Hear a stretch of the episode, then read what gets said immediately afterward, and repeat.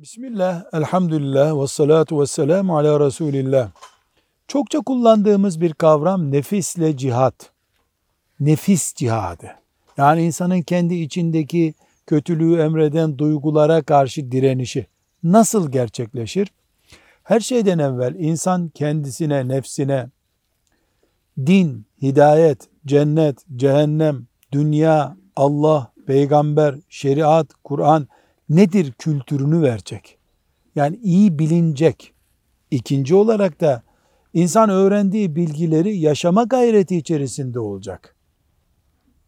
Kuru bir birikim, kültür olarak değil, yaşanacak bilgiler olarak bilgisi sahip olacak ve bildiği şeyleri kendisi uyguladığı gibi başkalarına da ulaştırmaya, bir başka insanı da kurtarmaya yönelik gayret içerisinde olacak.